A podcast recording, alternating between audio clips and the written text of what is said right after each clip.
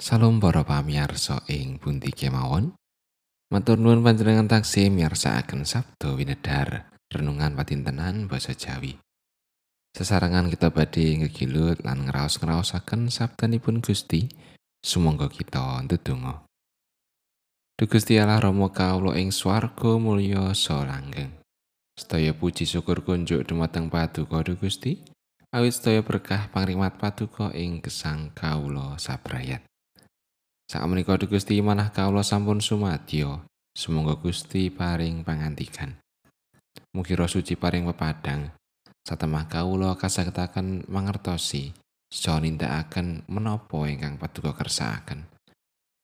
Kawula ngrumaosi minangka titah ingkang sekeng dereng saged ngecakaken dawuh paduka kanthi sampurna. Mugi Gusti kersa paring pangaksami. Wonten ing asmanipun Gusti Yesus Kristus juru wilujeng kawula ingkang gesang. Amin. Waosan dinten menika kapendet saking lelakone para rasul bab itu ayat songo dumugi 16. Margi saking drengkinipun para bapa lajar kita wau lajeng nyate Yusuf dateng ing tanah Mesir. Nanging Gusti Allah nunggil kalian piyambakipun. Sarta dipun luwari saking sakathahing sangsaranipun so kaparingan sih rahmat duwin kawicaksanan. Nalika wonten ing ngarsanipun Sang Prabu Pringon nata ing Mesir lajeng kawisuda dening Sang Prabu Pringon dados ingkang ngasta pangawas tumrap ing tanah Mesir tuwin tumrap kratonipun sedaya. Ing saindenging tanah Mesir lan ing tanah Kanaan lajeng kedatangan bebaya pailan saha kasisahan ageng ngantos leluhur kita mboten saged angsal tedha. Nanging sareng Rama Yakub midanget bilih ing tanah Mesir wonten gandum. Lajeng utusan para leluhur kita mriku menika ingkang kapisan. Sarang lampahipun ingkang kaping kalih Sang Yusuf waleh dhateng para sederekipun. Satemah asal usulipun Sang Yusuf lajeng kauningan dening Sang Pringon. Sang Yusuf lajeng utusan boyongi ingkang Rama Yakub saha sedaya sadherekipun cacah jiwa wonten pitung dosa gangsal. Romo Yakub lajeng tindak dateng Mesir, masana seda dalah leluhur kita. Layonipun sami kabekta dateng ing kitha Sichem. Kasarekaken wonten ing pasaryan ingkang sampun dipun pundhut dening Romo Abraham kelayan arta saloka saking para putranipun Sang Hemor ing Sichem. Makaten pangandikanipun Gusti ayat na saking ayat songo. Margi saking drengkinipun, para bapa lajar kita wau lajeng nyate Yusuf dateng ing tanah Mesir. Nanging Gusti Allah nunggil kalian piyambakipun.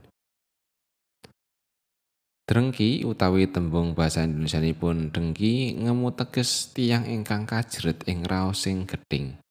Sengit lan memengsan jalaran buta jengan ingkang sak langkung tumrap asanes ingkang nampi kabegjan. Drengki ugi tetes titian bilih tiang menika mboten nggadahi keunggulan, prestasi, kalenggan lan sapiturutipun.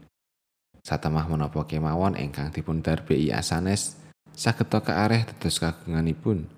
So kepengin tiang sanes ingkang kagungan menika badhe kecalan lan sangsara. Inggih raos sing drengki menika ingkang limputi para pinituaning bangsa Yahudi lan para ahli Toret nguningani kridaning Stefanus ingkang kasinungan ing rahmatipun Gusti Allah lan nindakaken pratandha saha mujizat kathah.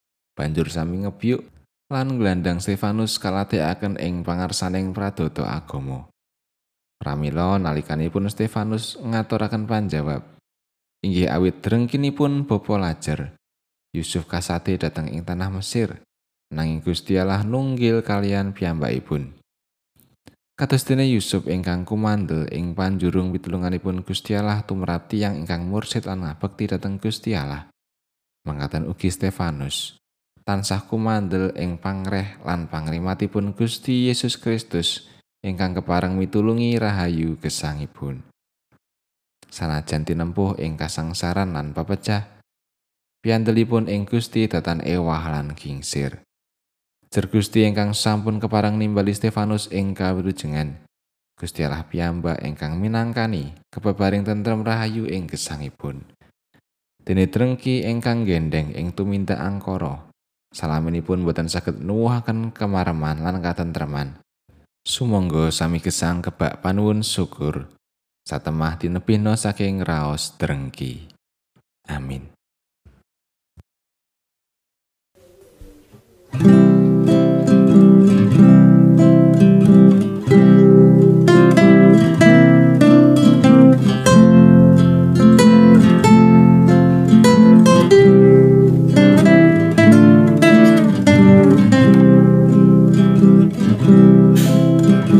Gusti mugi nuntun kawula.